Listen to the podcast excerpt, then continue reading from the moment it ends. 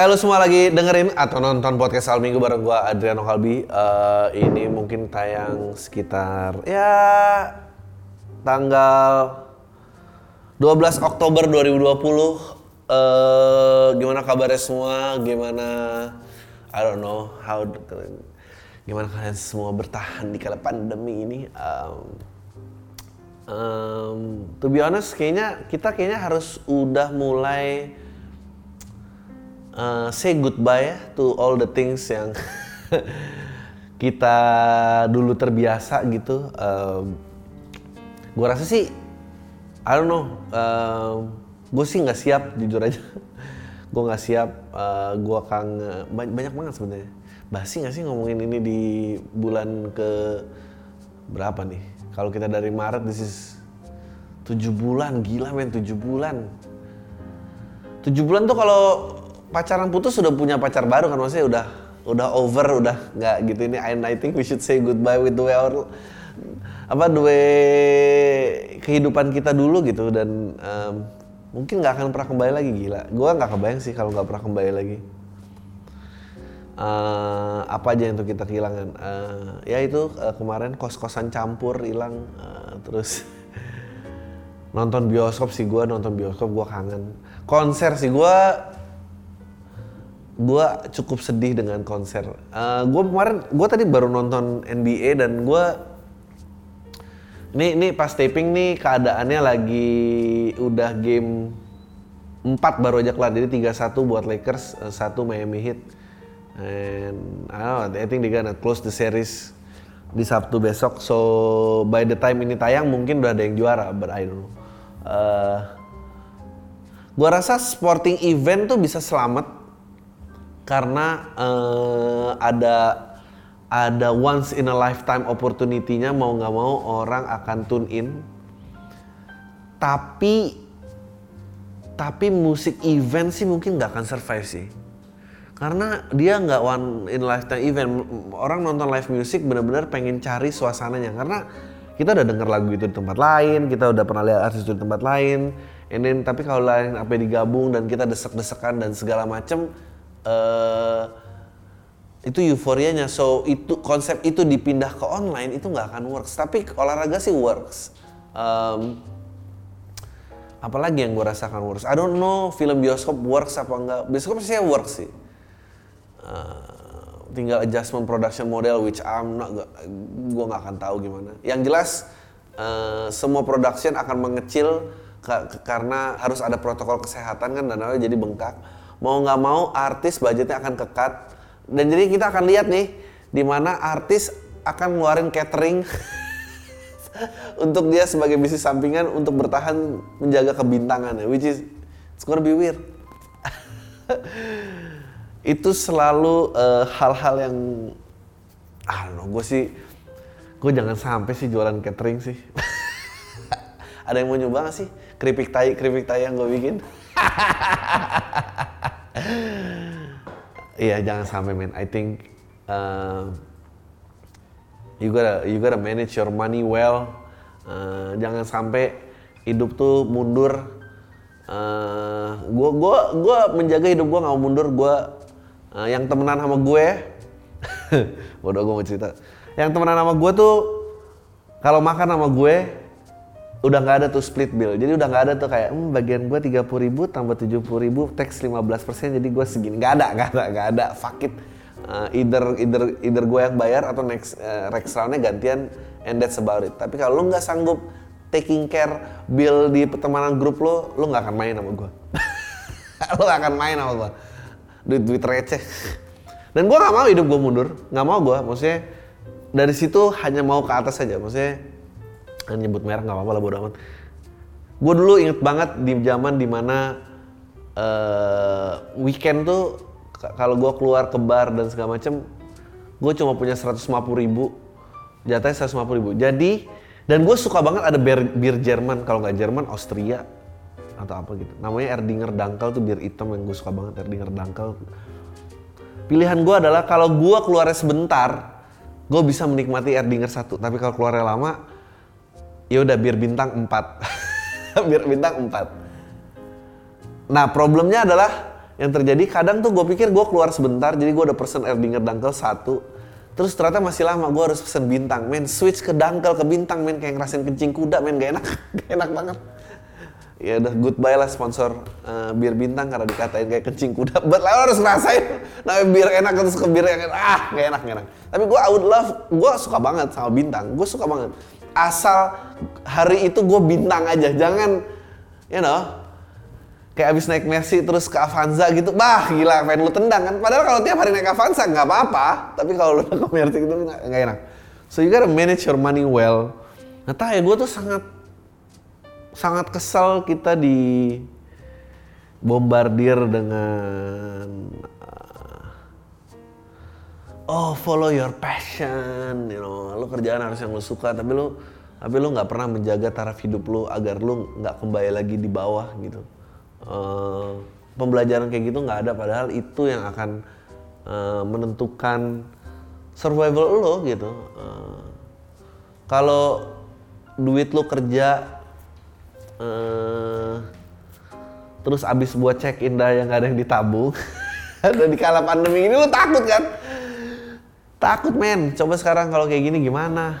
The fact that gua belum ngeluarin catering itu berarti gue menjaga taraf hidup gue dengan baik.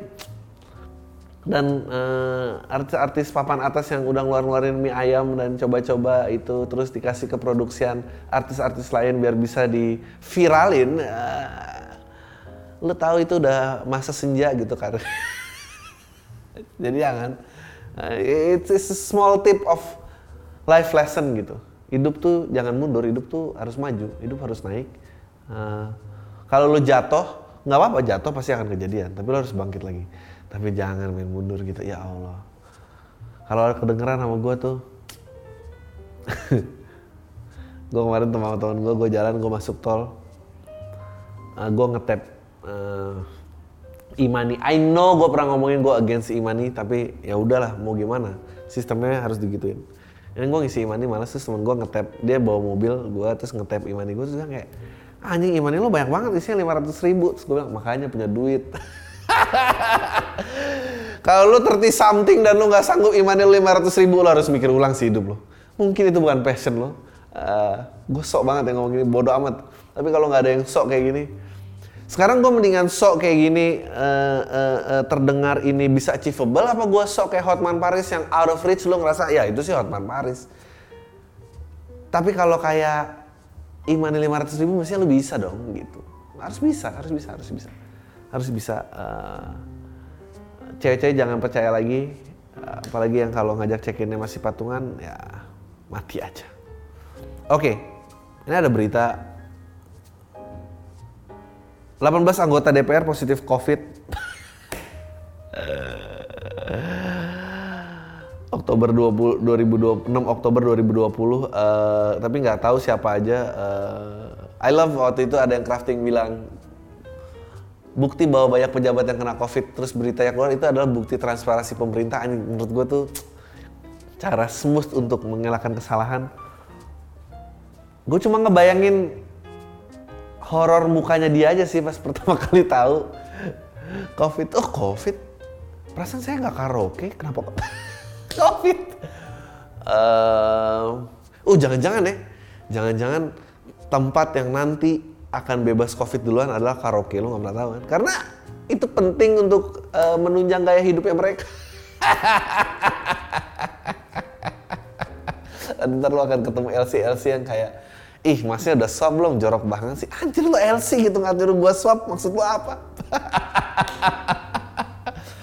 Resiko virus tersebar di gua sama lu tuh banyakkan lu jangan akan terjadi diskriminasi uh, iya coba.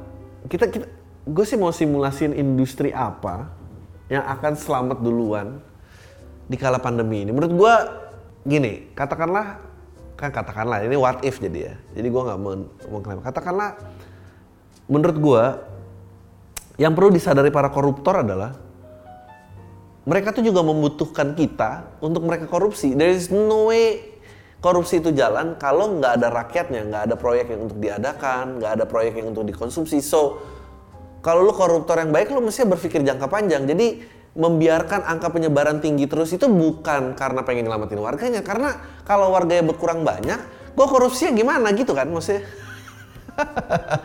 korupsinya, nah tapi kan in order the corruption untuk jalan adalah dia harus menjaga proyek-proyek dan gaya hidupnya dulu agar uh, seimbang gitu, maksudnya uh, uh, sebagai PR menyelamatkan masyarakat, tapi sebagai koruptor uh, kekayaan jalan terus gitu. Jadi ini harus harus dicari titik balance di mana dan uh, industri mana uh, yang akan uh, diselamatkan duluan.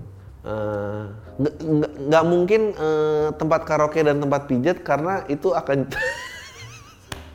terlalu jelas banget bahwa uh, koruptor sering uh, pijat dan berkaraoke. Jadi dia dia akan dia akan cari sektor lain dulu untuk sampai ya ini satu dua dan ini baru yang ini lewat kan sembilan eh, sektor industri yang diboleh izinkan berusaha gitu ya. Pengadaan of course top of the line. Medis uh, of course top of the line juga.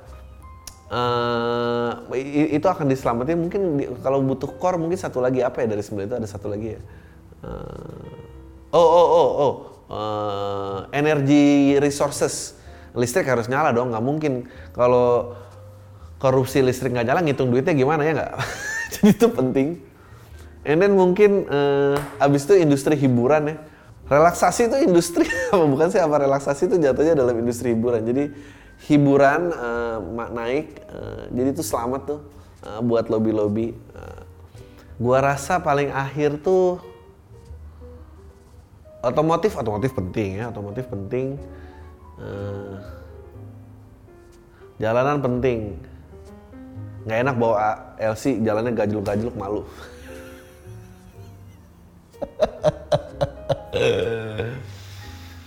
Apalagi ya yang kira-kira bakal selamat? Uh, huh. Terbang, terbang, terbang kayak nanti masih bisa belakangan tuh. Penerbangan bisa belakangan, perhubungan bisa belakangan. Uh, mall-mall perdagangan tuh bisa belakangan. Uh, ya itu dulu, itu dulu yang safe gue rasa. Uh, dine in dine in restoran F&B itu belakangan. Huh, apalagi ya? Live event live event tuh gua rasa akan duluan karena karena ada kebutuhan pilkada sih buat dangdut. Siapa siapa yang mau dengerin program uh, dibanding goyang-goyang sama biduannya goyang-goyang lah. kan nggak mungkin ini. And that leads me back to uh, apa ya? Ini apa? Nacho dilaporkan karena Jokowi lapor tapi dia ditolak karena uh, Najwa Shihab dilindungi UU Pers. Hmm. menarik ya how freedom of speech ternyata hanya bisa dimiliki oleh uh, sebagian orang gitu terutama uh, kalau pers uh, perlindungan pers. Uh, komedian belum dilindungin. Huh. kenapa prioritas kebebasan berbicara itu diberikan kepada pers duluan sebelum kepada komedian. Mungkin karena e, media juga merupakan tools untuk kampanye, jadi mau nggak mau dia pasti lindungin itu dulu. Kalau komedian tuh belum, karena dia belum bisa dijadikan tools untuk kampanye. Ya tapi melihat banyaknya komedian-komedian yang selalu peduli sospol ya, mungkin itu akan membawa kita ke titik yang lebih terah cerah gitu eh, di dalam kebebasan berbicara. Not because of the message tapi karena bisa ditunggangi. Bakal banyak ya komedian yang ngeliat ini marah? Bodo amat. Uh, and nggak apa-apa nggak apa-apa. Uh, biarlah orang-orang itu yang menjadi mukanya. Uh, gue gue di belakang aja yang ikut menikmati kebebasan berbicara tanpa harus ditunggangi. I don't know man. Gue gue tuh kalau ngomong bahwa sebetulnya gue pernah diundang juga tapi gue nolak tuh sebetulnya sombong gak sih? Biar lo tahu. Jadi di balik orang-orang hebat yang diundang presiden ada orang-orang yang nolak ketemu presiden. Uh, dan lo ngomong salah satunya. gue, uh, ya, gue memilih untuk tidak akan pernah mau membuka stance politik, sosial politik gue apa. Uh, eh, gue di, di, di depan hanya bisa lo nikmati sebagai komedian. Uh, dan lo nggak akan lihat lagi di belakang, you know what, karena karena greatest magician tuh selalu menjaga misterinya. Dia nggak pernah reveal history. Buat apa? Nggak nggak ada ketemu presiden tuh nggak ada problem yang bisa lu tanyain dan ketemu solusi satu. Jadi buat apa kita ketemuan? Ini cuma buang-buang waktu. Ini cuma buang-buang waktu. Ini kayak uh, ketemuan Tinder yang lu tahu kayak ah, lu nggak akan tidurin juga. Jadi why gitu? Kayak ya oke okay lah gitu. Ya yeah, nice to know untuk dikenalin tapi there's nothing that we can talk about di sini. Kecuali pejabatnya ada yang bisa bilang ke gue kayak anjing nih rumah tangga gue berantakan. Oh ya ini seru nih. Now we're talking on personal level. Tapi kalau lo pakai title, you know, title lo tuh nggak ada untungnya sama sama karir gue dan sama seni gue nggak ada. Kalau dipanggil buat ketemu, kecuali kalau dipanggil aparat hukum sih lain soal ya. Gue mungkin akan comply karena mau nggak mau uh, eh, gue di gerakan gue dibatasi hukum. Tapi the rest of it, uh, and then we all have that awkward picture yang salaman pegang piagam. Gitu kayak anjing buat apa lagi? Oke okay, uh, so that's a mindset of of of corruption ya gitu. Uh, uh, kayak orang-orang marah karena lagi covid covid gini dia ngesain omnibus law. I to be honest I don't understand what is omnibus law? I'm not gonna pretend gue banyak baca uh, seperti karena saya yang the rest yang bilang omnibus law dia nggak banyak baca tapi ya, masa lebih pintar daripada gue sih enggak kayaknya. Kayaknya enggak. Gue dan gue nggak ngerti. So dan gue berusaha mengerti.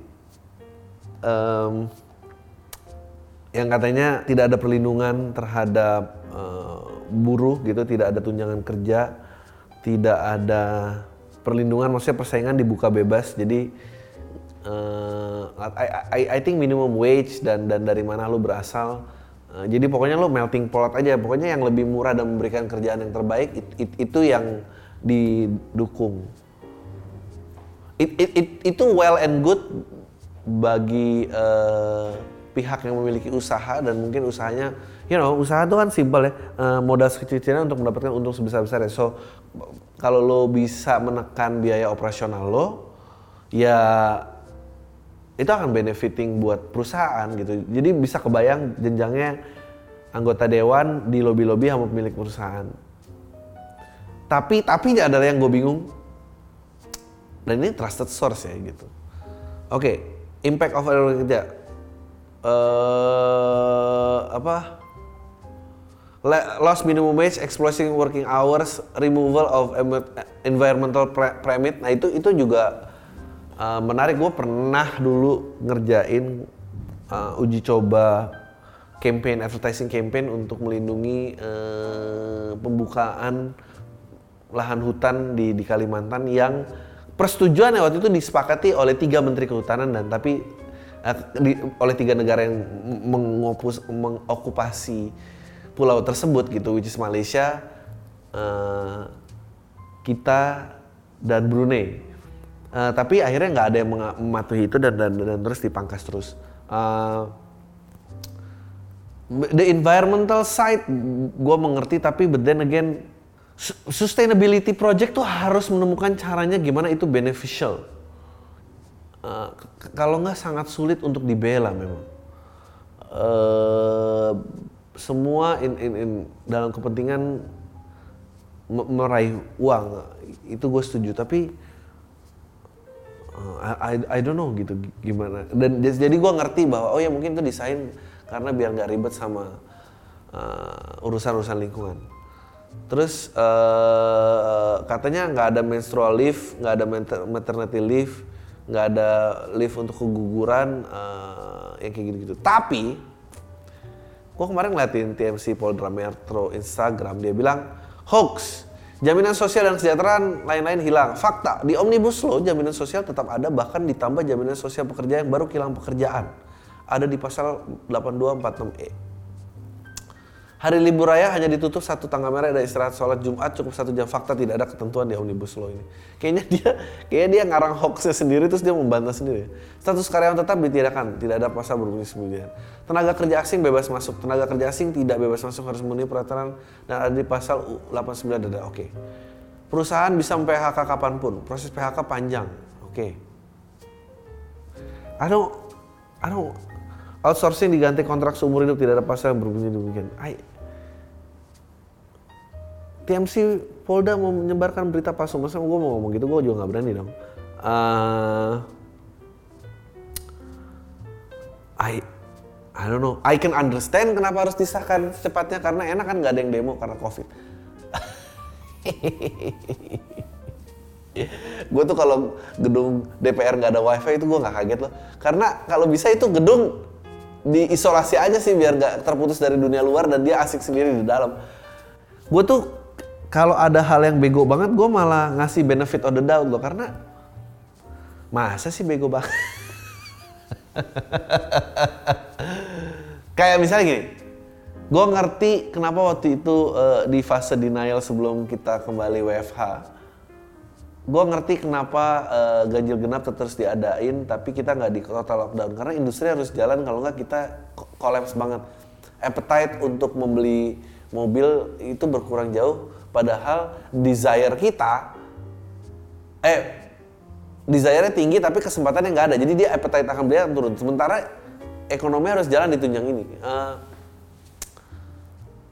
apakah yang banyak yang proses kayak oh ya negara melihat kita hanya sebagai angka-angka warga gitu, angka-angka voting tidak pernah ada yang jiwa gini-gini. Well, demokrasi akan bikin kayak gitu karena ini ini memilih orang bukan kolom curhat. Kalau pemilu isinya kolom curhat itu baru tuh.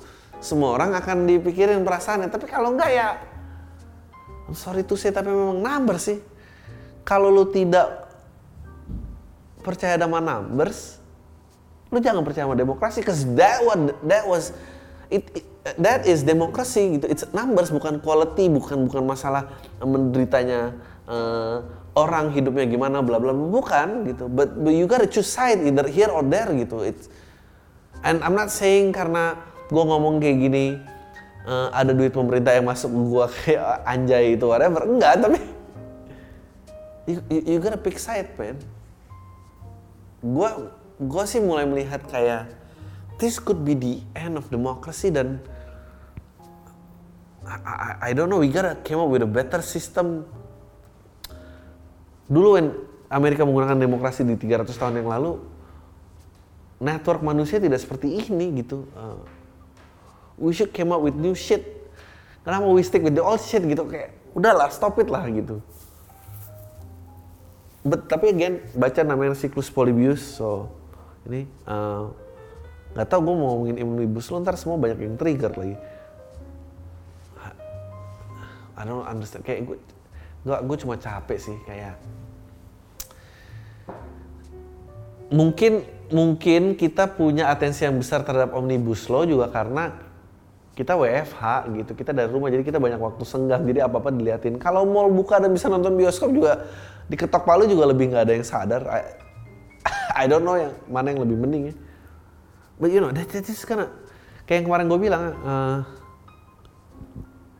kan ekonomi turun nih, pengadaan turun, jadi korupsi turun kan, mau nggak mau bikin peraturan yang lebih banyak dong biar lebih banyak kesandung-sandung orang dan bisa korupsi lagi gitu. Jadi I don't know.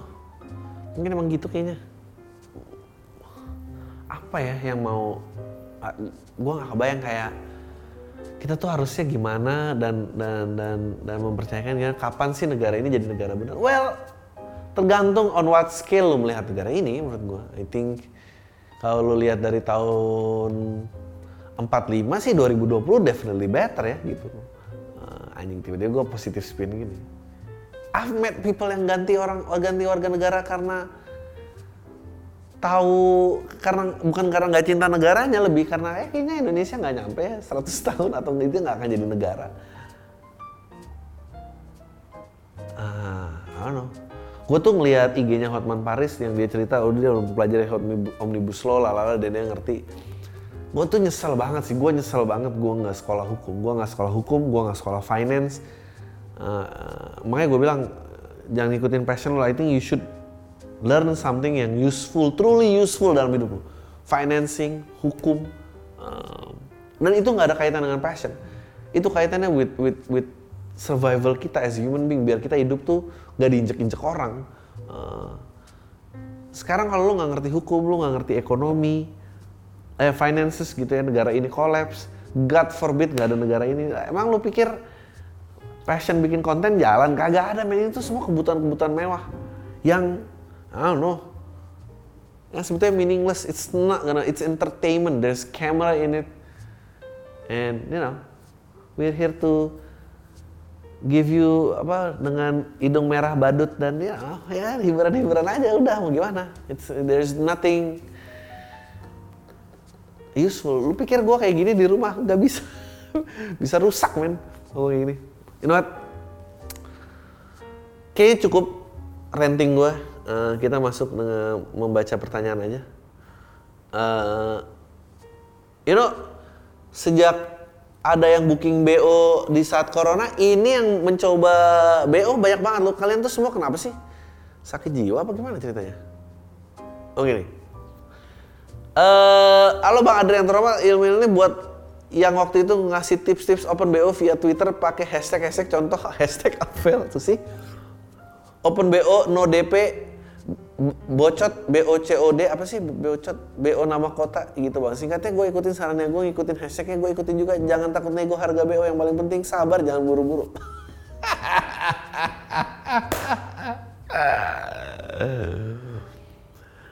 Dia open harga satu setengah juta setengah jam gak gue balas pas gue cek DM di Twitter dia turunnya harga jadi satu juta full service. Gue balas biasanya 300, nah dia balas lagi banyak keperluan buat anaknya dan keluarga macam-macam playing victim gitu.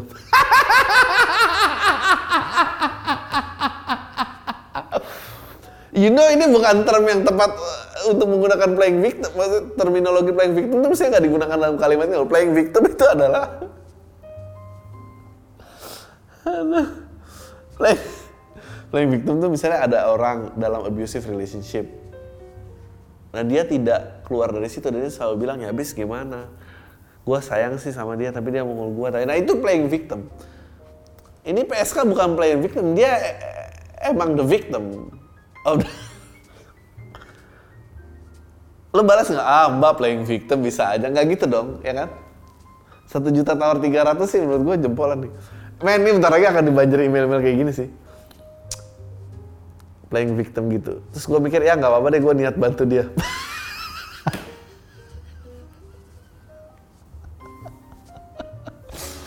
Men lu semua masalahnya apa sih?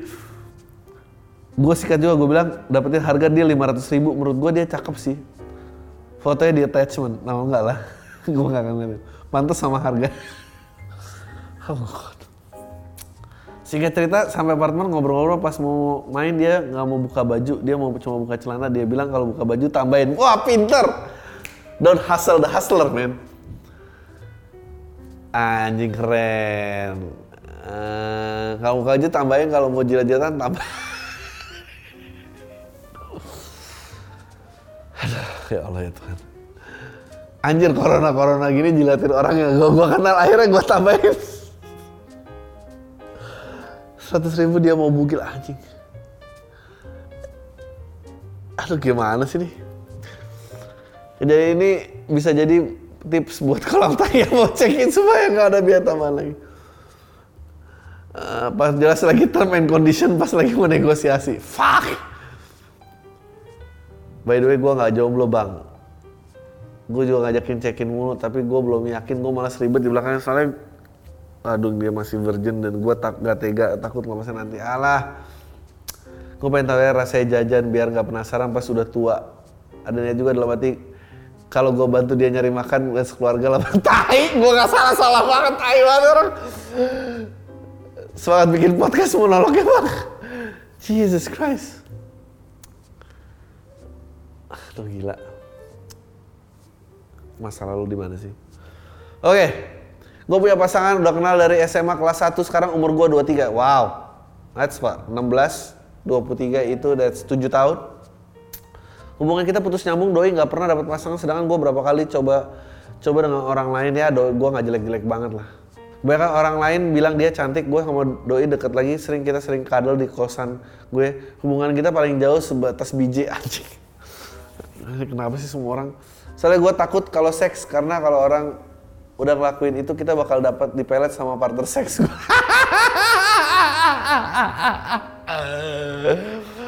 takut seks karena takut pelet. Anjing itu bagus juga ya. Itu mesti menjadi uh, public announcement PSA gitu public service awareness. Jangan lepas keperjakaan karena anda mungkin kena pelet. Itu kayak lebih lebih ampuh daripada nasihat orang tua dan lain-lainnya. Masalah gue sekarang dia dia nggak jago biji karena gingsul anjing. Udah gue nggak usah baca ya. Ya udah gue coba cari partner di Tinder. Wah dan jago. Oh dia ketemu di Tinder lebih kinky coba tampar. Wah gue suka dalam hal itu. Tapi gue ilfil kalau masih B. Dalam hati gue kenapa nggak A yang kayak begini? Anjing. Gue selalu compare ke B ke A sampai gue capek sih si B mana ke arah ke arah posesif. Mana si B baper sampai posesif. Menurut lu gue harus apa? Menurut gue ya lu harusnya sama lalu juga tahu. Cuma lu ya gitulah nafsu di atas akal ya gimana dong?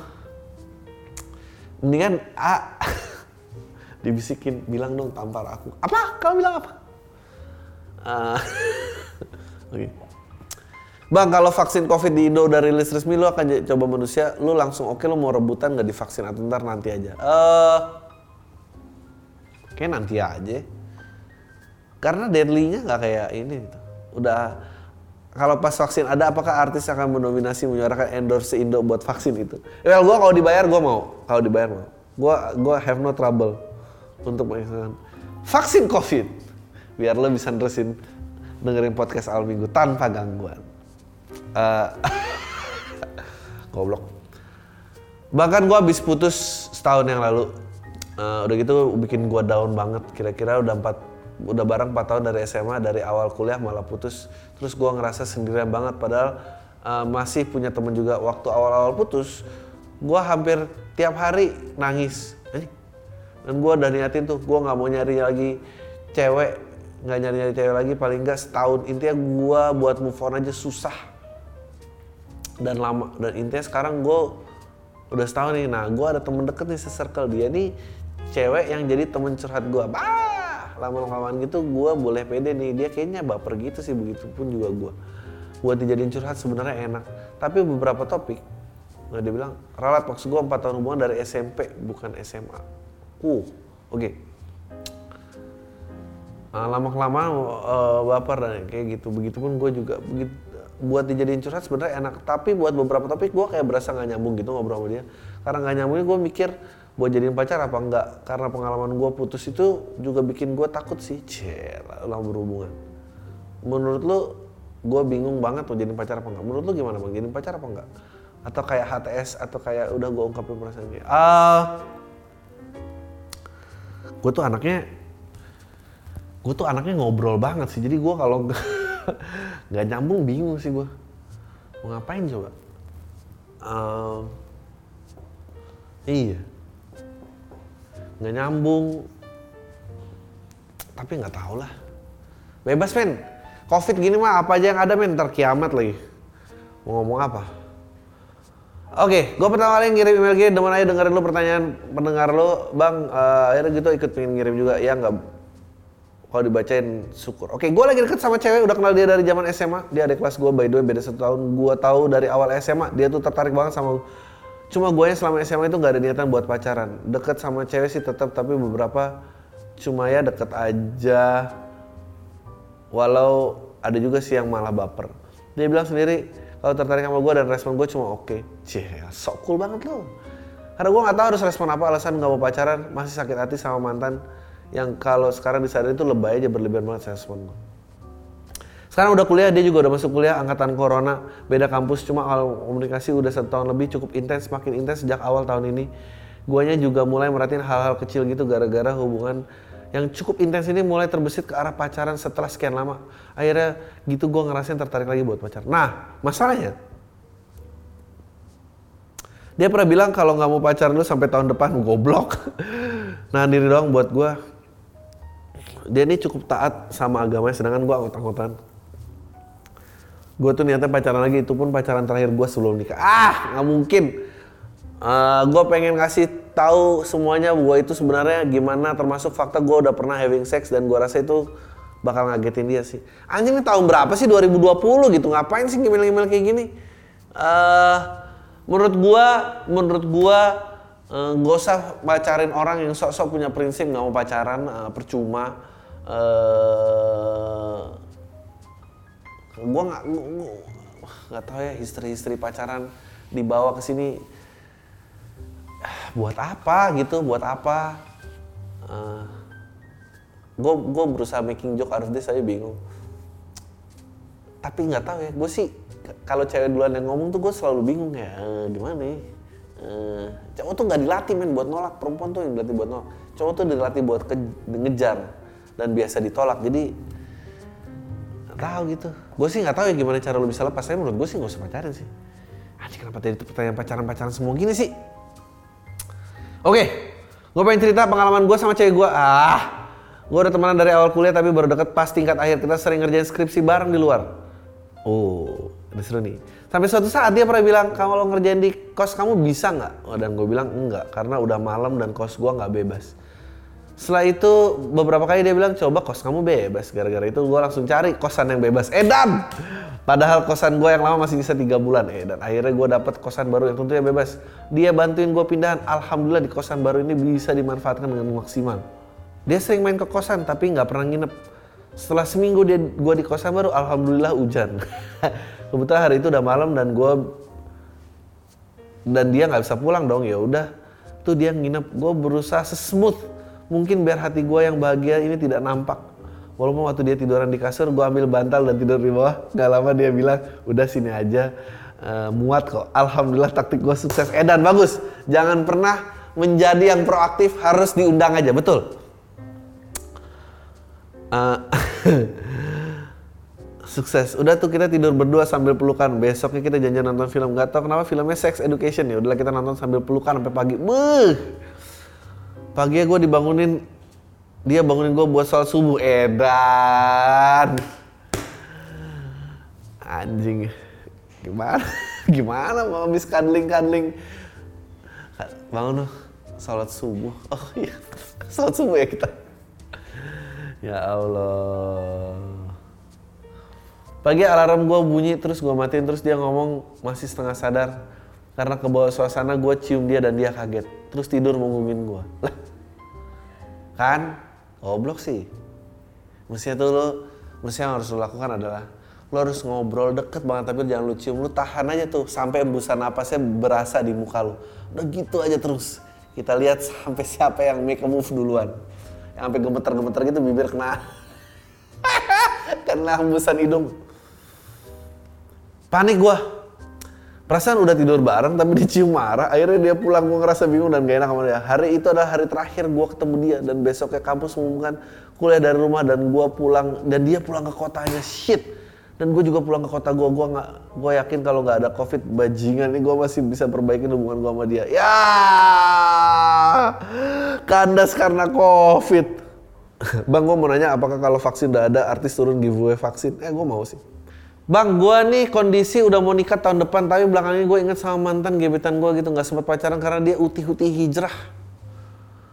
Gue inget dulu waktu masih PDKT kita liburan bareng ke Pulau Seribu dua hari, bah di sana ada kejadian yang nggak bisa gue lupain pasti ngewe. Uh, enggak deh.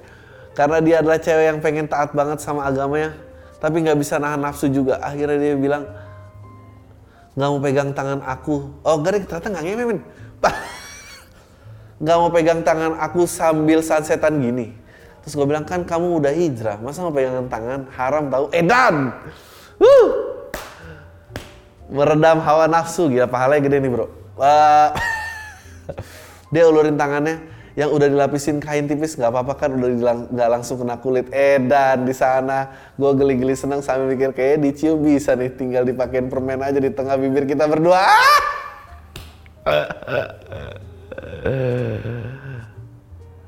dia bilang gitu dia mauin ih anjing gue langsung ilfil. Bener juga sih lagi tapi nggak mau buang kesempatan ya udah habis liburan gitu gue udah ilfil nggak pernah ngubungin dia lagi. Sampai tadi malam dia nelpon nanyain kabar. Sama bilang masih suka sama gue tapi gue juga nggak bisa nanggepin banyak karena udah mau nikah jadi bingung mesti gimana ya bang? Cium sekali lagi lah pakai permen. Aku akan pikir semuanya. Kalau kamu kali ini mau ciuman tanpa permen kita lihat pengorbanan kamu buat aku gimana dan gue rasa dia akan lompat dan abis itu lu akan lebih faktab karena lu bingung nanggepin sama orang yang pakai pengorbanan seperti ini kayak apa? Eh, men gitu aja men. Bikin kekacauannya dalam hidup. Corona gini di rumah ngapain sih? Mendingan cari kekacauan.